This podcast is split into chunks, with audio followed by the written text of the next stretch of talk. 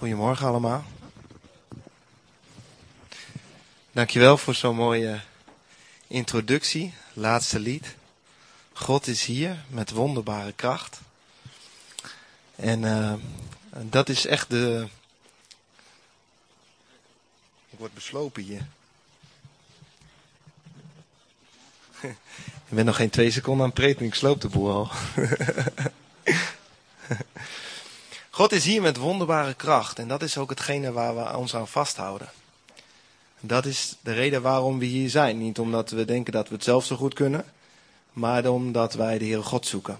En geloven dat Hij de dingen doet door ons heen. Jullie zullen merken dat ik een beetje last heb van mijn keel, maar het vuur van het woord is er niet minder om. Want God zegt dat Zijn woord kracht heeft. En hoe het er ook uitkomt, Zijn woord heeft kracht. Als u het niet erg vindt, doe ik het vestje alvast uit, want het woord zet je in de brand werkelijk.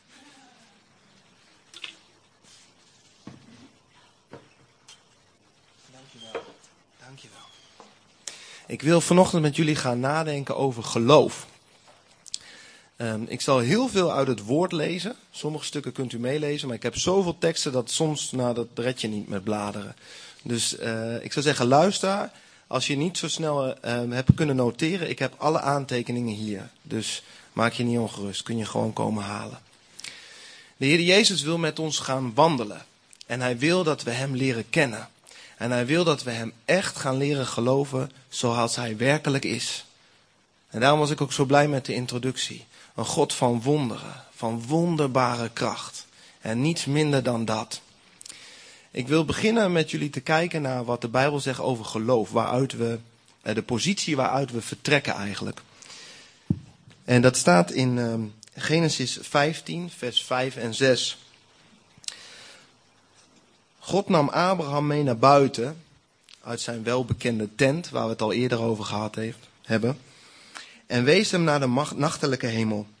Kijk naar boven en tel de sterren eens als je kunt. Zo zal je nageslacht zijn, ontelbaar. Abraham geloofde het woord van de Heere. En dat was de reden dat God hem als rechtvaardig mens beschouwde. God lokte Abraham uit zijn tent en plaatste hem in zijn perspectief. En doordat Abraham hem geloofde, zei God, jij bent rechtvaardig voor mij. Nou, wat betekent rechtvaardig? Rechtvaardig is zonder schuld, is vergeven door God, is geplaatst in een verhouding tot God die, die vrij is, die open is. En Romeinen 4, vers 23 gaat daar verder over. Dat rechtvaardig verklaard worden heeft niet alleen betrekking op Abraham, gelukkig. Het is ook geschreven met het oog op ons. Wij worden immers ook rechtvaardig verklaard, want wij vertrouwen op God, die onze Heer Jezus uit de dood heeft terug laten komen. Dat is onze rechtsgrond, dat wij geloven in Hem, dat Hij teruggekomen is. En als je dan denkt van dat geldt alleen maar voor elite, dat geldt voor de Abrahams en uh, de middenklasse mensen, dat is niet zo. Romeinen 3, vers 21 zegt, maar nu is aan het licht gekomen dat God de mens buiten de wet om vrijspraak heeft gegeven.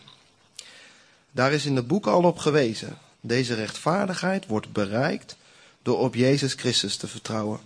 Dit geldt voor alle mensen die in hem geloven. En alsof dat nog niet genoeg is, dat hij zegt alle mensen, zegt hij er ook nog achteraan wie het ook zijn. Dus als je denkt van ik pas niet helemaal in alle mensen, want mensen hebben mij doen geloven dat ik er niet bij hoor, zegt Heer God hier extra nog wie het ook zijn. Dus ook als jij denkt dat je er niet bij hoort, je hoort daar ook bij. Gerechtvaardigd door geloof in de Heer Jezus. Dat plaatst ons in de relatie die beschreven wordt in Johannes 1, vers 12. Maar allen die hem wel aanvaard hebben, heeft hij het recht gegeven kinderen van God te worden. Door geloof in zijn naam worden zij opnieuw geboren. Natuurlijk niet als mens, maar geestelijk uit God. Dus niet alleen rechtvaardig, vrij van schuld, in een juiste positie naar God geplaatst. Een juiste positie om te geloven, om te vragen. Maar daaraan wordt gekoppeld het zoonschap. Je mag als zoon vragen. Niet als knecht, niet als slaaf, niet als werknemer, als zoon.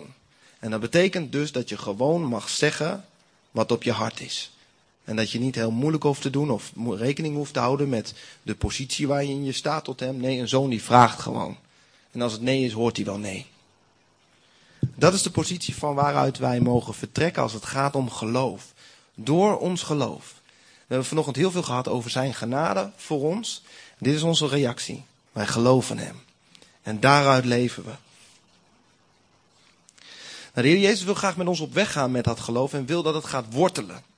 En wil dat het, dat geloof lekker verankerd is in ons.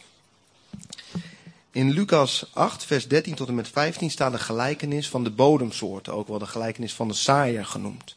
En daar zegt Jezus iets over het wortelen van ons geloof. In vers 13 begint hij, de ondiepe grond, met de rotsbodem eronder, zijn de mensen die de woorden van God horen en met grote blijdschap aannemen. Er is dus wel geloof hier. Maar ze zijn oppervlakkig. Een poosje geloven ze wat God gezegd heeft, maar als het erop aankomt, moeten ze er niets meer van hebben. En dan de grond met de distels erop. Dat zijn de mensen die de woorden van God horen en geloven, maar door de zorgen en de overvloed van allerlei genoegens van het leven krijgen de woorden niet de kans iets goeds te bewerken. Dus je kunt geloven en het kan niet landen. En je kunt geloven en het kan je geroofd worden. En dit is een sleutelvers, vers 15. De goede, vruchtbare grond zijn de mensen die met een goed en oprecht hart naar de woorden van God luisteren. Oprecht hart, woorden van God luisteren. Dat zijn hele belangrijke dingen. En is een oprecht hart dan een hart wat alles perfect doet? Nee. Een oprecht hart is een hart wat echt opziet naar God en het van Hem verwacht. En gekneed wil worden. En op weg wil gaan met Hem. Weet je, hiervoor haalde ik Abraham aan. En dan lijkt Abraham perfect, hè? God zegt van, hij heeft mij geloofd. En daarom was hij rechtvaardig. Weet je, het was dezelfde Abraham die later loog over, de, over zijn vrouw. Dat het zijn zus was tegen de farao. Weet je, en dat had best gevolgen. Dus denk niet dat je daarin perfect moet zijn. Nee, God ziet je geloof en dat maakt rechtvaardig. Niet dat je perfect bent, want daarvoor kwam Jezus juist. Als dat woord geworteld is in je en in een oprecht hart geland is, dan wordt het beproefd. En dat is niet altijd het meest populaire deel om voor te lezen. Maar weet je, zonder de beproeving is het ook minder waard. Jezus gaat voor echt. En net als zijn liefde echt is en hij gaf alles daarvoor, zodat het echt echt zou zijn, en niet alleen maar uit woorden, maar werkelijk, zo wil hij ook dat ons geloof beproefd wordt. In 1 Petrus 1, vers 6 tot en met 9 staat volgende. Wees blij, er ligt iets heerlijks voor u klaar. Ook al zult u het door allerlei beproevingen eerst nog een tijd erg moeilijk hebben. Het gaat je dus niet altijd voor de wind. Door die moeilijkheden en problemen wordt uw geloof op de proef gesteld, zodat zal blijken of het echt is of niet.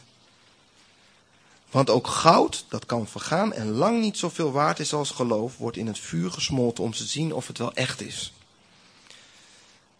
Wel, als uw geloof het vuur en de beproevingen kan doorstaan, zal Jezus Christus bij zijn terugkeer geëerd en geprezen worden.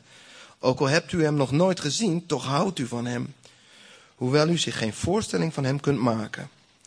En u hebt bijna hemelse blijdschap omdat u vertrouwd gered zullen worden. Weet je, deze beproeving, eh, hij vergelijkt het hier met goud. En ons geloof is veel meer waard dan goud. En God wil het puur hebben. En waarom wordt hij verheerlijkt als ze terugkomen? Omdat als ons geloof puur is, hij daar heel veel doorheen kan doen. En zijn naam daardoor verheerlijkt wordt. En die blijdschap die hier opwelt in degene waarover geschreven wordt, in ons. Terwijl wij hem nog nooit gezien hebben, komt omdat we hem hebben leren kennen. Door die beproevingen heen, door dat geloof heen, hebben wij hem leren kennen zoals hij werkelijk is. Weet je, en dan is er zo'n blijdschap in je, omdat je hem kent. Jacobus 2, vers 20, en het eerste woord van het vers sla ik over, anders mag ik hier niet meer preken waarschijnlijk. Iedereen bladeren natuurlijk. Wat zou dat eerste woord zijn? Wanneer zult u eens leren dat geloven alleen zin heeft als u niet tegelijk doet wat God van u vraagt? Het eerste woord was dwazen. Voor, Voordat het jullie zo lang bezighoudt dat je de rest niet hoort. Geloof dat niet samengaat met daden is geen echt geloof. Weet u niet meer dat God Abraham rechtvaardigde om wat hij deed? Hey, we hebben eerder gelezen dat God Abraham rechtvaardigde omdat hij geloofde. En nu staat er om wat hij deed. Ja, dat komt omdat het soort geloof wat Abraham was, het soort geloof dat hoorde wat God zei, dat geloofde en dat in actie kwam. Dat ging wat doen. Abraham verliet de plaats waar hij woonde. Dus je moet dat ook gaan doen. Nou, de lat wordt behoorlijk hoog gelegd. En dat is juist zo mooi, want dan geeft Jezus je de hand om dat te kunnen doen, want zelf lukt je dat gewoon niet. Als we dat gaan doen, als we beproefd gaan worden, als we uh, het geloof gaan doen wat Jezus zegt, dan gaan we allerlei dingen tegenkomen. En dan denken we vaak aan dingen van buiten, maar het zijn heel vaak dingen gewoon in onszelf waar we heel erg mee worstelen. En ik wil een aantal dingen eh, vanuit het woord uh, belichten, met jullie samen bekijken. Hoe de godsmannen in de Bijbel en de discipelen eigenlijk net zo waren als wij. je herkent gewoon zoveel dat je soms gewoon om moet lachen. Hoe God iets geestelijk uitlegt en de mensen dat menselijk doen. Een aantal van onze beperkingen uh, zijn de volgende. Um, ik begin met ons denken. Ons denken is soms zo'n beperking om te kunnen geloven.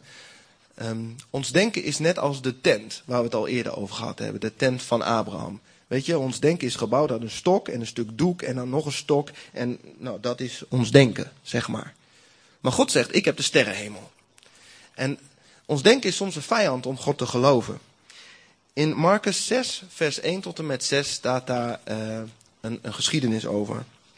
Het is, um, nou ik lees het gewoon met u.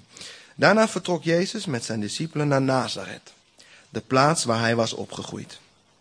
De volgende sabbat ging hij naar de synagoge en nam het woord. Iedereen was hoogst verbaasd. Waar heeft hij dit allemaal vandaan? vroeg men elkaar. Hoe komt hij aan die wijsheid? En hebben jullie gezien voor wat, wat voor wonderen hij doet? Ze kwamen er niet over uitgepraat. Oké, wat je hier ziet, is dat de mensen niet kunnen verklaren wat er gebeurt. Jezus, die ze kennen uit hun stad, die komt terug en die heeft in één keer zoveel wijsheid en, en zoveel wonderen bij zich dat ze het niet kunnen verklaren. En dat klopt, want het is goddelijk. Hier neemt het verstand over vers 3. Je kunt gewoon de tentstokken in de grond geslaan horen worden. Je kunt de haringen en de hamer kun je horen tikken eigenlijk, terwijl deze woorden komen. Vers 3. Dit is toch de timmerman? Hier zijn stok staat. De zoon van Maria en de broer van Jacobus en Jozef en van Judas en Simon. En zijn zusters wonen ook hier in Nazareth. Weet je wel, de tent van het eigen denken wordt hier gebouwd. Eerst wordt, eerst, je kan het niet verklaren. Dat is wonderen. Ik snap het niet. Weet je wat, ik ga het plaatsen in mijn eigen kader. Dat kan toch niet, want... En ze komen er niet uit. Ze komen er niet uit.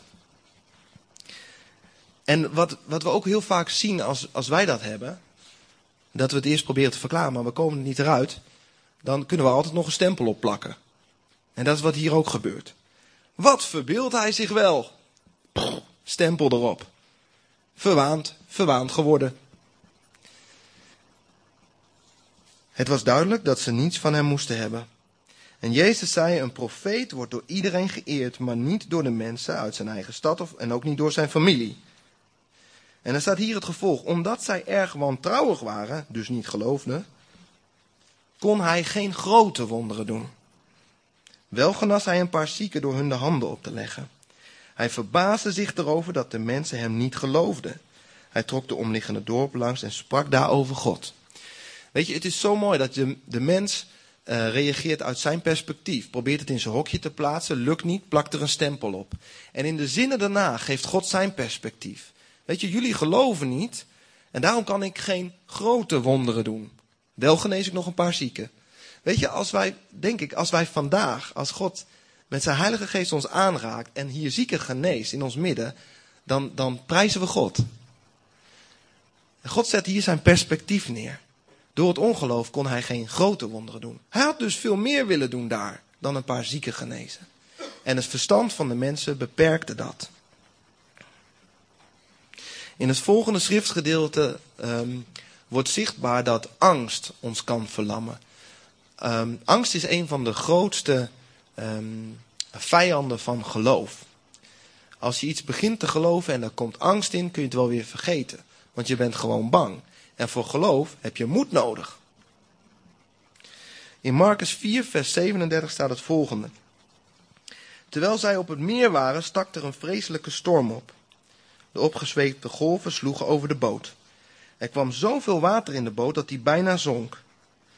Jezus lag rustig achter in de boot te slapen met zijn hoofd op een kussen. In paniek maakten ze hem wakker en schreeuwden: Meester, kan het u niks schelen dat we vergaan? Hij stond op en riep tegen de wind dat hij stil moest zijn. En tegen de golven zei hij: Word rustig. De wind ging liggen en de golven bedaarden. Even later was, het water, was op het water zelf geen rimpel meer te zien. Waarom waren jullie zo bang? vroeg Jezus. Hebben jullie nog, nu nog geen vertrouwen in mij? Vol ontzag zeiden ze tegen elkaar: Wie is hij eigenlijk? Zelfs de wind en de golven doen wat hij zegt. Ik ga u niet vertellen dat je niet bang moet zijn. Of dat het stom is om bang te zijn. Hey, in het kader van geloof en wat Jezus wil doen, is dat misschien wel zo. Maar de wind waar zij mee te maken hadden en de golven waar zij mee te maken hadden, waren echt reëel. He, dat waren niet geestelijke golven of zo, of uh, iets wat je af kan doen, of wat je minder kan maken dan het is. Deze golven zorgden ervoor dat de boot vol liep en dat hij gewoon zou gaan zinken, menselijkerwijs. Dus de discipelen hadden al het recht om te zeggen: jongens, dit gaat niet goed. In hun menselijke inschatting klopte dat ook. En wij denken wel eens: uh, van ja, maar Jezus was toch bij hen? Weet je, eitje. We je ziet alles van Jezus en hij kan alles. Maar Jezus belooft ook bij ons te zijn. Tot de voleinding der wereld. Totdat hij terugkomt. Maar als ik heel eerlijk ben, voel ik me soms best wel eens zo als in een boot. Met heel veel wind en heel veel golven. Je wordt er soms misselijk van, voeten nat. Maar Jezus daagt ons uit om naar zijn perspectief te kijken. Om buiten de wind en buiten de golven te gaan kijken. Want hij zegt gewoon stil. Word kalm.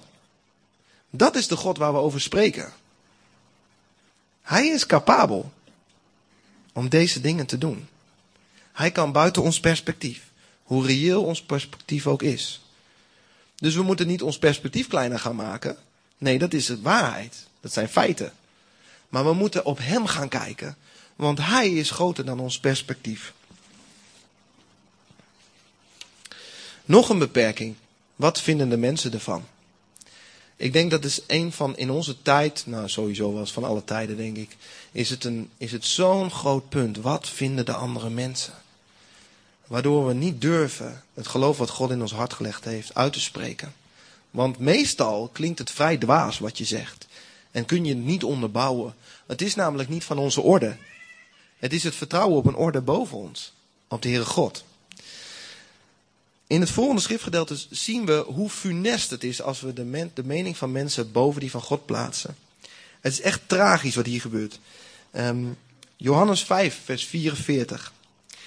Jezus zegt, hier, praat hier tegen de fariseeërs. En uh, de fariseeërs zijn de geestelijk leiders in die tijd. Dus degene die God bedoeld had om zijn woord bekend te maken. Om de mensen te leren wie hij was. Des te tragischer. U vindt het zo belangrijk, zegt Jezus, wat de mensen van u zeggen.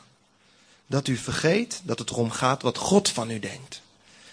En deze conclusie is best wel hard. Daarom, zegt Jezus, kunt u niet in mij geloven. Want dat was de reden dat zij de gedachten van mensen, of wat de mensen van hun zeiden, boven hem plaatsten. En, en ze konden Jezus niet geloven daardoor. En het tragische gevolg wordt zichtbaar in Johannes 12. Dus Jezus, of de Heer God had juist de fariseeërs als geestelijk leiders, wilde hem gebruiken om de mensen te leren wie hij was. En doordat ze op die mensen meningen gingen vertrouwen of daar te veel waarde aan hechten, konden ze het ware evangelie niet snappen en dus ook niet uitleggen. Toch waren heel wat vooraanstaande Joden die wel geloven dat, dat Jezus de Christus was. Maar zij durfden er niet voor uit te komen omdat zij bang waren dat de fariseërs hen uit de synagoge zouden jagen. Weet je, God wil ons gebruiken om geloof te spreken en om te laten zien wie hij is. En als wij meer op mensen gaan kijken, dan worden de mensen waarvoor we bedoeld waren om redding te brengen, worden bang voor ons. Dat is wat hier staat. De mening van mensen. De mening van God is veel belangrijker. Als, als je kijkt naar geloof in de Bijbel, dan is het ongelooflijk wat er gebeurt als een mens geen raad meer weet. En in zekere zin is dat logisch, want dan pas gaat een mens echt geloven. Vaak. Want zolang je het zelf nog kan, doe je het zelf. Maar als je in een positie gebracht wordt dat je niet zelf meer kan, of dat alle dingen waar je ooit op gebouwd hebt in één keer vallen, dan roepen we vaak tot God. Ik denk dat we situaties kunnen opnoemen in ons leven waar dat letterlijk zo is. Dat we, dat we het niet meer trekken. En dan wil ik je bemoedigen met deze schriftgedeeltes. Matthäus 9, 27. Op de terugweg naar Capernaum liepen de twee blinde mannen achter hem aan. Zoon van David, schreeuwden zij, heb toch medelijden met ons. Weet je, het staat er in twee zinnen, hè? maar er waren heel veel mensen om Jezus heen. En ik kan me voorstellen dat er mensen zijn geweest die zeggen van, joh, hou die gasten even aan de kant. Ze schreeuwen, ik kan Jezus niet verstaan. Wat zijn die gasten toch irritant, ze blijven maar achter hem aanlopen. Want het was zelfs zo, vers 28, toen Jezus het huis binnenging, liepen de blinden gewoon met hem mee naar binnen. Ze waren dus gewoon brutaal. Ze hadden brutaal geloof. Gelooft u dat ik uw ogen kan genezen? vroeg hij. Ja, heren, antwoordden zij. En hij raakte hun ogen aan. Wat u gelooft zal gebeuren. En zij konden zien, zei Jezus. Een voorbeeld in Matthäus 15, vers 22, misschien nog wel duidelijker. Een Canaese vrouw die daar woonde, kwam naar hem toe en zei smekend: Heere, zoon van David, heb medelijden met mij. Mijn dochter is in de macht van een boze geest. Maar Jezus gaf haar geen antwoord. Zijn discipelen zeiden dat hij haar weg moest sturen. Ze loopt telkens achter ons aan te zeuren, zeiden zij. En Jezus zei tot de vrouw: Ik ben gestuurd om de Joden te helpen en niet de andere volken. De vrouw viel voor hem neer op haar knieën en smeekte: Help mij. En Jezus reageert: Het is niet goed het brood van de kinderen af te nemen en het aan de honden te geven. Best wel heftig, hoor niet? Nou, dan word je eventjes uh, neergezet. Je zal die vrouw zijn, hé. Inderdaad, heren, zei zij. Maar de honden mogen toch wel de kruimels opeten die van tafel vallen, was haar antwoord. Kijk, en waarom Jezus dat precies doet in deze situatie, weet ik niet. Daar, daar, daar focus ik ook even niet op. Maar wat het geloof van deze vrouw doet met Jezus, dat vind ik veel interessanter. Wat hebt u een groot geloof, zegt Jezus. U krijgt wat u hebt gevraagd. En haar dochter werd op datzelfde moment genezen. Die vrouw liep gewoon te drammen. Ze liep, gewoon, ze liep gewoon te drammen. En Jezus was misschien helemaal niet van plan om haar te genezen. Ik weet het niet. Maar hij had wel wat tegenwerpingen. En je ziet dat dit geloof van deze vrouw, die, die, ah, zij herkent, erkent hem telkens als Heer. Ondanks wat haar gebeurt. En ze heeft zo'n geloof dat Jezus op een gegeven moment zegt, nou, dit is zo'n groot geloof, hier kan ik gewoon niet omheen. En, en ik zou afbreuk doen aan mijzelf haast, denk ik, als ik het niet zou doen. Als ik het zo lees, dan lijkt het zo te staan. Jezus reageert op brutaal geloof. Nog een situatie waar Jezus het geloof taxeert, alvorens hij wat doet. Vier mannen, in Marcus 2 staat dat. Vier mannen kwamen met een verlamde op een draagbaar. Zij wilden naar Jezus toe, maar omdat het zwart zag van de mensen, konden ze niet bij hem komen. Daarom gingen ze het platte dak op en maakten daarin een groot gat, vlak boven de plaats waar Jezus stond. Daarna lieten ze de verlamde man zakken door het gat. En nu komt het. Jezus zag dat, er, dat ze er gewoon niet aan twijfelden of hij hun vriend zou helpen. Jezus taxeert het. Hé hey jongens, ja, ik zie daar geloof. Hier kunnen we wat mee. Hij zei tegen de verlamde man: Ik vergeef u al uw zonden. Nou, hierna ontstaat er wat commotie of dat Jezus wel zonde mocht vergeven of niet. In vers 11 ga ik verder. Daarop zei hij tegen de verlamde man: Sta op, ga naar huis en neem uw draagbaar mee. De man sprong overeind, nam zijn draagbaar onder de arm en liep tussen de verblufte omstanders heen. Zie het je voor je, hé? Ik zie mijn zoontje wel eens zo stoer lopen, weet je wel, zich heel bewust van zijn nieuwe schoenen of zo. Ik kan me voorstellen dat deze man tussen de verblufte menigte doorloopt. Weet je, hé hey jongens, ik ben vergeven. En ik kan ook weer lopen. Halleluja. Zoiets hebben we nog nooit gezien, reageerde iedereen. In Hebreeën 11, vers 6 staat: Maar zonder geloof is het onmogelijk hem welgevallig te zijn.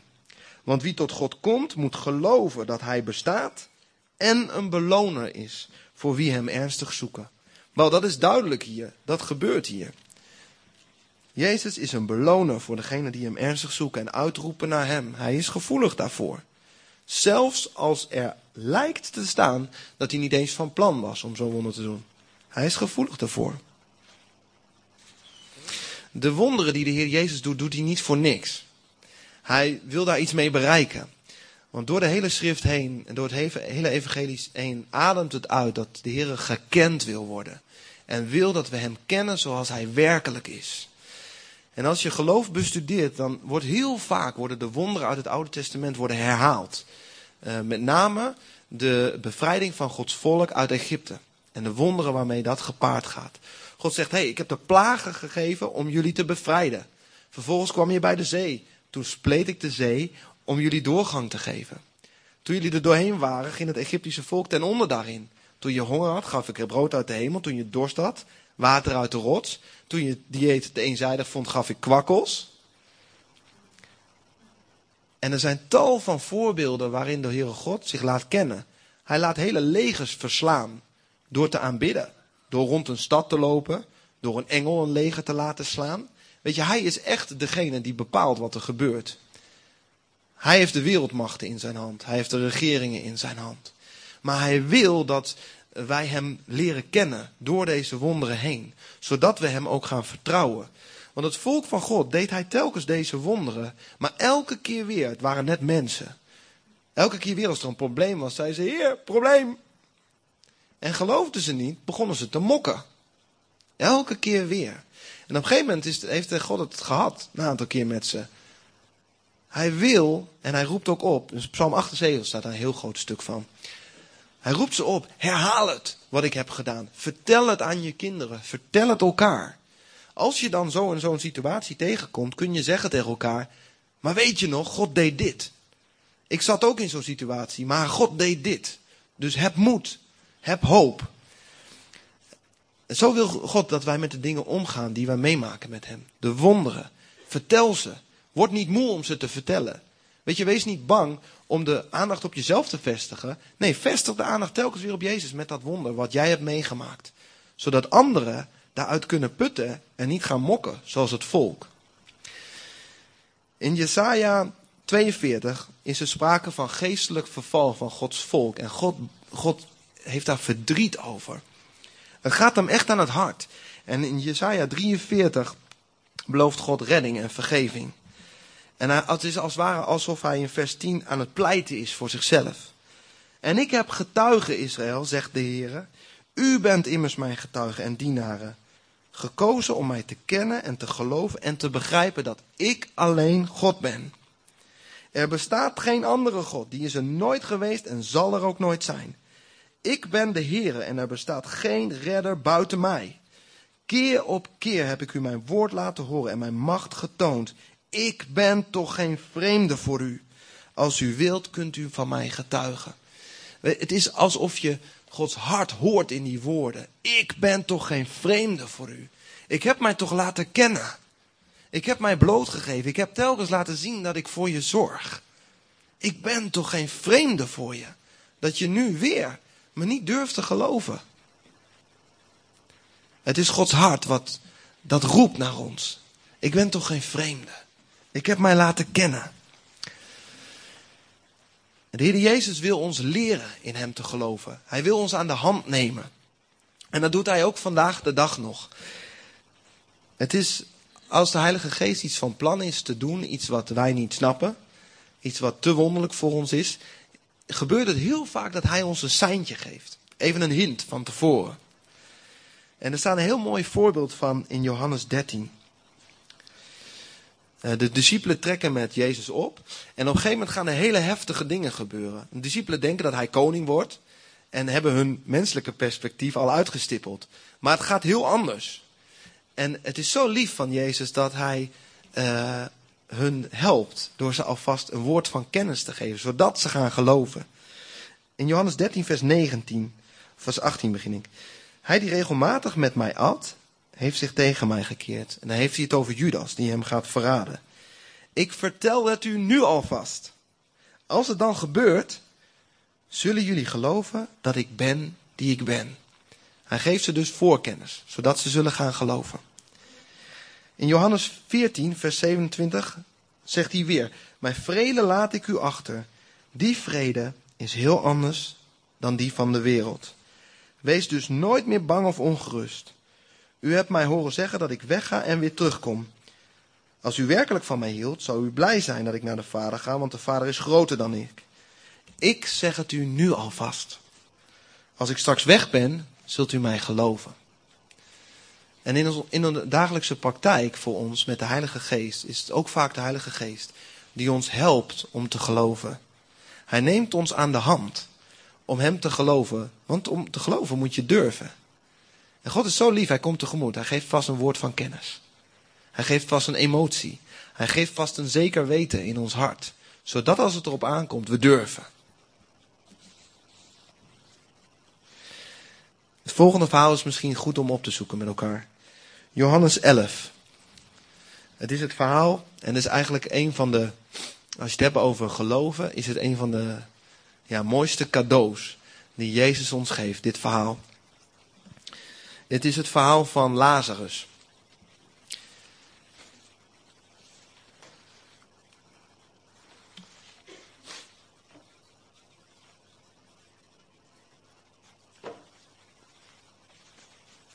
We beginnen vanaf vers 3 te lezen. De twee zusters, dat waren Martha en Maria, stuurden iemand naar Jezus met de boodschap: Heere, uw vriend Lazarus is ziek. Toen Jezus dit hoorde, zei hij: Hij zal niet sterven. Deze ziekte is tot eer van God. Dan lees ik verder in vers 11. Even later zei hij, dat is Jezus, onze vriend Lazarus is in slaap gevallen. Maar ik ga hem wakker maken. En het is eigenlijk gewoon grappig hoe de discipelen reageren. Gewoon puur menselijk zouden wij ook doen, denk ik. Vers 12. De slaap zal hem zeker goed doen, dan wordt hij vlug weer beter, zeiden de discipelen. je hoort het jezelf zeggen, hè? Vers 13. Zij dachten dat Jezus had gezegd dat Lazarus lag te slapen. Had hij ook, alleen in een ander perspectief. Maar Jezus bedoelde dat hij gestorven was. Vers 14, zo lief van Jezus. Om hen niet in onzekerheid te laten, zei hij, Lazarus is gestorven. En ik ben blij voor jullie dat ik er niet bij was. Want nu zal jullie vertrouwen in mij sterker worden. Kom, we gaan naar hem toe. Vers 17. Toen Jezus in Betanië aankwam, bleek Lazarus al vier dagen begraven te zijn. Vers 33. Toen Jezus haar, dat is Maria, en de Joden die met haar, kwamen, met haar waren meegekomen, zag huilen, greep het verdriet hem aan. Waar hebben jullie hem neergelegd? vroeg hij ontroerd. Wij zullen het u wijzen, antwoordde zij. Jezus huilde. Vers 38. Bij het graf kwam de ontroering weer in Jezus op. Het graf was een grot en er lag een zware steen voor de opening. Haal de steen weg, zei hij. Maar heren, protesteerde Martha, er hangt al een lijklucht. Hij ligt er al vier dagen. Ik heb toch gezegd dat je, als je op mij vertrouwt, de macht en de grootheid van God zult zien, antwoordde Jezus. Ze haalden de steen weg. Jezus keek omhoog en zei, Vader, dank u wel dat u mijn gebed verhoort. Ik weet dat u mij altijd hoort, maar ik wil graag dat de mensen hier zullen geloven dat u mij gestuurd hebt. Daarom zeg ik dit. Nadat, nadat hij dit tegen zijn vader gezegd had, riep hij met krachtige stem: Lazarus, kom naar buiten. En de gestorven man kwam uit het graf. Het is zo mooi dat Jezus hier zegt van, hey, dit doe ik voor jullie. Ik ga het zo in scène zetten voor jullie. Het is heel vaak dat wij niet begrijpen waarom dingen gaan zoals ze gaan. En hier in de schrift wordt het heel duidelijk, omdat Jezus het vertelt. Maar als je die woorden nou eens niet had, en daar als omstander stond. Weet je, de, mensen waren inmiddels gewend dat Jezus zieken kon genezen. Niet voor niks zeiden ze meteen, hé hey, Lazarus is ziek, laten we Jezus erbij halen. Want hij kan genezen. Dat was inmiddels, was dat een, uh, het perspectief van God, wat ze hadden leren kennen. En het is zo mooi. Elke keer als wij denken dat we iets begrijpen van God, zegt God: Oh, jij denkt dat dit mijn perspectief is, hè? Uh, ik ben veel groter. En dat is wat God hier doet. Maar wij begrijpen hier helemaal niks van. Als wij een van de omstanders waren geweest, dan zouden we waarschijnlijk vol verdriet. En logisch, hè? Zouden we gezegd hebben: waarom komt hij nou niet? Hij kan toch genezen? En Lazarus was nog wel zo'n goede vriend van hem. Hij laat hem gewoon doodgaan. Net zo makkelijk. En dit is zo'n parallel. Wij begrijpen soms onze situatie niet. Heel vaak begrijp ik er echt niks van. Maar God doet het op zijn manier. En hij zegt hier, dit doe ik voor jullie. Ook nog, niet omdat hij het zo graag wil, nee, voor ons doet hij het op deze manier. En hij roept Lazarus gewoon naar buiten. En je ziet hier dat het ondanks dat het Jezus, dit kost Jezus hè. Er staat echt meerdere keren, in drie versen staat er dat Jezus ontroerd was en huilde. Maar Jezus gaat daar echt niet nep staan te houden hoor. Je zou denken van hij heeft allemaal, hij weet wat hij gaat doen. Maar dat is Jezus. Hij geeft zich helemaal en doet het voor ons. Om ons geloof te bouwen. Bij God is werkelijk alles mogelijk. Wij hebben het nodig om onze tent van ons denken, van onze angst, van onze blik naar mensen aan de kant te zetten en te durven Hem te geloven. Alles is mogelijk. Marcus 11, vers 24 of vers 23. Jezus zegt tegen zijn discipelen: Heb toch geloof. Als je gelooft en tegen deze berg zegt: Ga hier vandaan en val in de zee, dan gebeurt het absoluut.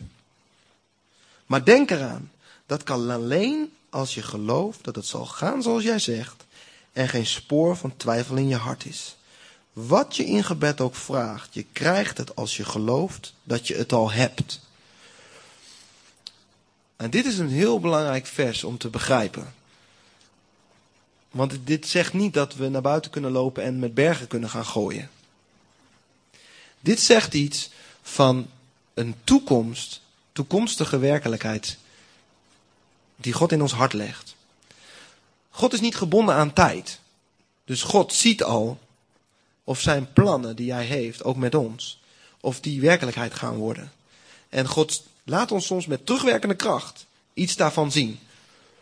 Dus God ziet dat iets al gaat gebeuren in de toekomst. En hij plant het geloof van die werkelijkheid in ons hart. Om dit vers goed te kunnen begrijpen, is, moet je ook vers 25 en 26 lezen. Heel vaak schept God de context daar. En daar staat, wanneer je staat te bidden en je hebt iets tegen iemand, moet je hem vergeven. Dan zal ook je hemelse vader jou vergeven wat je verkeerd hebt gedaan. Dit zegt iets over de zuiverheid van ons hart. Dus de, mate, de wijze waarop we gaan geloven in dit vers heeft te maken met de zuiverheid van ons hart. We hebben het gelezen in de eerste vergelijking die ik heb aangehaald, eh, namelijk die van de bodemsoorten. Dat dat geloof, eh, dat vindt goede grond in een oprecht hart. En wat Gods woord hoort en luistert daarna. Hier zie je dat God iets van een toekomstige werkelijkheid plant in ons hart. Het geloof. En je ziet dat wij het moeten gaan spreken. Je zegt, als je zegt tegen deze berg, je moet het gaan spreken. En je hart moet daarin in overeenstemming gaan zijn met je woorden. Het is geplant in je oprechte hart. Vrijgemaakt van allerlei bedoelingen die jij er misschien mee hebt. Helemaal gezuiverd om wat God ermee hebt. En je gaat het spreken. En het vers daarna is, laat, Jezus roept ons om om te zijn zoals Hij is. Vergevend, in zijn natuur te handelen. En als we zo handelen met dat geloof als sprekend, heeft ons woord scheppende kracht vanuit zijn natuur. Want hij heeft, geeft ons ook die natuur. Als wij geloven. Dus wat, wat moeten we doen? hoe gaan we dit praktisch maken? Als God zo'n zaadje in je hart legt voor geloof, van een toekomstige werkelijkheid, dan gaat dat wortelen. Dan gaat het oprecht gemaakt worden. Dan ga je afvragen, is dit van nu? Klopt dit? Is het niet wat ik wil? En dan mag je het gaan spreken in een veilige groep vaak. Waar je niet gelijk neergezabeld wordt. Maar waar dat geloof mag kweken. In je twaalfgroep bijvoorbeeld. Als we bij elkaar herkennen dat we bang worden. Terwijl God ons juist op een weg roept. Die hij voor ons heeft. Moeten we elkaar bemoedigen. Wees niet bang. Kijk op Jezus. Kijk niet op de omstandigheden. Ze zijn echt. Klopt. Maar kijk niet op de omstandigheden. Maar kijk naar Hem. Zijn woord moet komen in onze situatie. Zijn woord. Als je in je denken de boel dicht timmert, heb je soms iemand anders die nodig, nodig die zegt, dat had ik ook. Maar God deed buiten mijn redenatie om. Want Hij is namelijk buiten mijn redenatie om. Veel groter. Als we zien dat we worstelen met zicht op mensen, moeten we tegen elkaar zeggen, jongens, doe maar. Wat de mensen ook vinden, jammer dan. Wat God vindt is belangrijk en Hij wil door ons heen werken. We moeten herhalen de wonderen die God doet, zodat er geloof gaat gebouwd worden in ons midden. Zodat God kan gaan doen wat Hij misschien al lang van plan is, maar nog niet kan doen omdat we het niet geloven. Giovanni had het vorige week over de trapjes in geloven, in geloof te nemen met God. God heeft het nodig dat we aan de gang gaan en dat we die trapjes gaan nemen met Hem. En dat is hartstikke eng. Maar hij heeft het nodig zodat als hij komt met zijn plannen, dat hij geloof vindt om het te doen. God roept ons voor deze stad. En God heeft grote plannen. En God wil ons klaarmaken, zodat als hij de grote dingen wil gaan doen, dat, dat wij het geloven. Weet je, als zijn volk het niet eens gelooft, en dat zie je heel duidelijk, hè, als ze het Canaan in willen trekken. Gods volk gelooft het helemaal niet. Dan gaan we niet door. gaan we nog 40 jaar in de woestijn. Gaan we leren geloven. Gaan we het op onze eigen kracht nog een aantal keer proberen? Worden we verslagen? Gaan we geworteld worden in het geloof? Niet meer steunende op eigen kracht? Kijkend naar Jezus en dan de overwinning in. Want God maakt de harten van de mensen die we moeten bereiken al lang zacht. Dat deed hij ook met de reuzen in Canaan. Die waren al lang bang. Al lang bang. God heeft het geloof van zijn volk nodig. Wat staat er over geloof als je het hebt over de gemeente en het bereiken van de mensen door de gemeente? Dan staan daar twee woorden. Als je het op wil zoeken, 1 Johannes 3, 23 en Johannes 17, vers 20. Elkaar liefhebben staat daar en de eenheid. En dat is denk ik wat wij nodig hebben als gemeente. En als gemeente ook breder dan alleen deze club. De eenheid onderling. Dat we samen naar Jezus kijken. En dat we elkaar opbeuren als je ziet dat je even niet naar Jezus kijkt. En elkaar lief hebben. Kijk, als we vrijmoedig een woord van geloof uitspreken, dan kan het best zijn dat het nog niet helemaal gezuiverd is. En dat het nog even een weg moet gaan. Maar als we elkaar lief hebben, dan durven we dat te zien en sabelen we het niet gelijk neer. Weet je, het is zo makkelijk om te zeggen, hé hey broeder, dat klopt nog niet helemaal in jou. Dat is zo makkelijk. Maar Jezus wil dat die liefde zichtbaar wordt. Ah, laat maar kiemen. God is met hem bezig. Laat maar ontkiemen, laat maar gebeuren.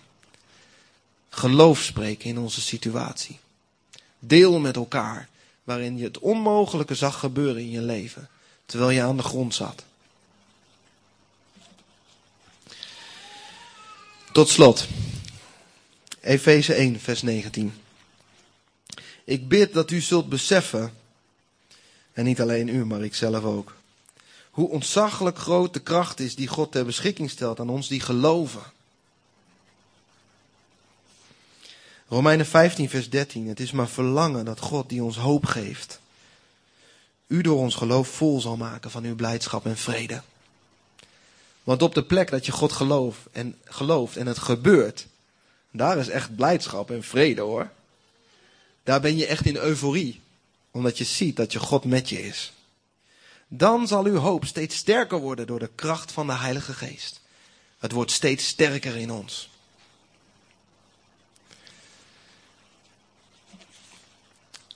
Ik wil heel graag dat we samen leren om God te leren vertrouwen en te leren kennen zoals Hij werkelijk is. Want Hij is werkelijk zo groot. We kunnen niet vaak genoeg zeggen, want onze omstandigheden komen soms zo elke dag op ons af. En die geloven we wel, want die zijn reëel. Maar Gods woord is ook reëel en van een hogere orde dan wij zijn. En misschien zit je hier vanochtend en heb je de deur al lang dichtgedaan voor een aantal dingen in je leven dat je denkt, nou, dat is onmogelijk. En dan heb je gelijk, misschien. Want menselijk zijn dingen onmogelijk. Hè? Maar ik wil je uitdagen om je hart op een kier te zetten. Om te durven geloven dat Jezus groter is dan dat. Hij is echt groter. Hij heeft de regeringen in zijn hand. Hij heeft de wereldmachten in zijn hand. Hij kan echt alles. Gebeurt dan alles zoals jij het wil? Meestal niet. Want onze wil moet heel vaak gezuiverd worden. Maar het gebeurt wel zoals hij wil en hij is de machtige. In elke situatie. In elke ziekte. In elke moeilijkheid. Hij is de machtige. Het is niet misschien, het is waar. Zullen we binnen elkaar. Vader, wij beleiden u als de enige God. Als de enige machtige God. Heer, op wie anders zouden wij hopen dan op u? Want er is geen God buiten u. Wie anders, Heer, zouden wij moeten vertrouwen dan u? Want u alleen bent het, Heer. Vader, ons hart gaat uit naar u. Vader, we willen zien wie u bent. We willen u kennen, Heer. En u wilt gekend worden. Vader, beweeg uw hand machtig onder ons, Heer. Heer, laat ons onder de ban komen van uw Heilige Geest. Het is zo verslavend om te zien, Heilige Geest, wat u doet in mensenlevens. Omdat het zo anders is dan wij zijn. Zo verheven boven ons. Heer Jezus, breng hoop in elke situatie. Want u bent het levende woord.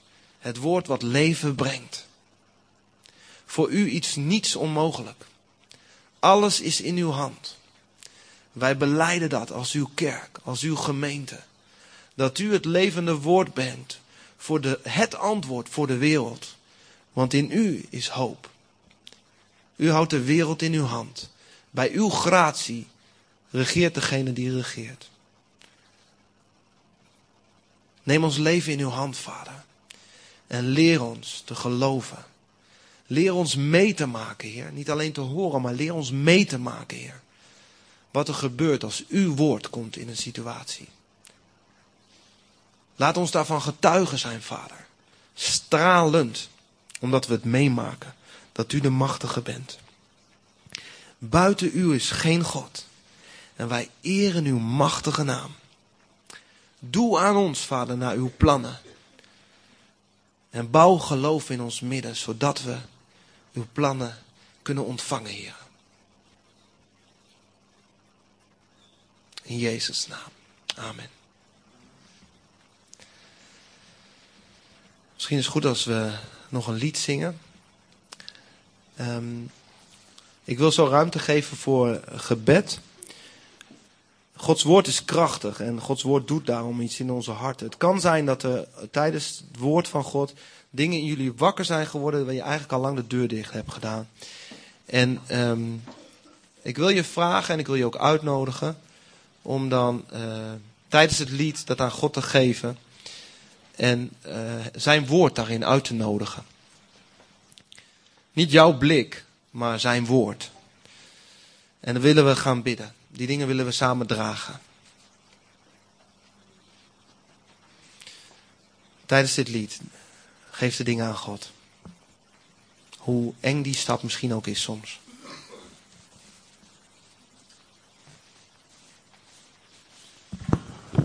Ja, nog specifiek uh, um, categorie, categorie mensen. Um, als je gewoon geloof tekort komt voor dingen, als je ongeloof te groot is, uh, kom dan voor hem. Maar ook specifiek voor mensen heb ik het idee dat um, uh, door bepaalde dingen over jezelf uitsproken, dat je van ja, ik zal nooit dit, ik zal nooit dat, ik kan dit niet, ik kan dat niet. Voor, speciaal voor die mensen die zeg maar een soort van uh, zelfvloek hebben uitsproken. specifiek die mensen ook naar voren. En um, als je ongeloof te klein is of te groot is in het algemeen. Het gebedsteam graag naar voren ook.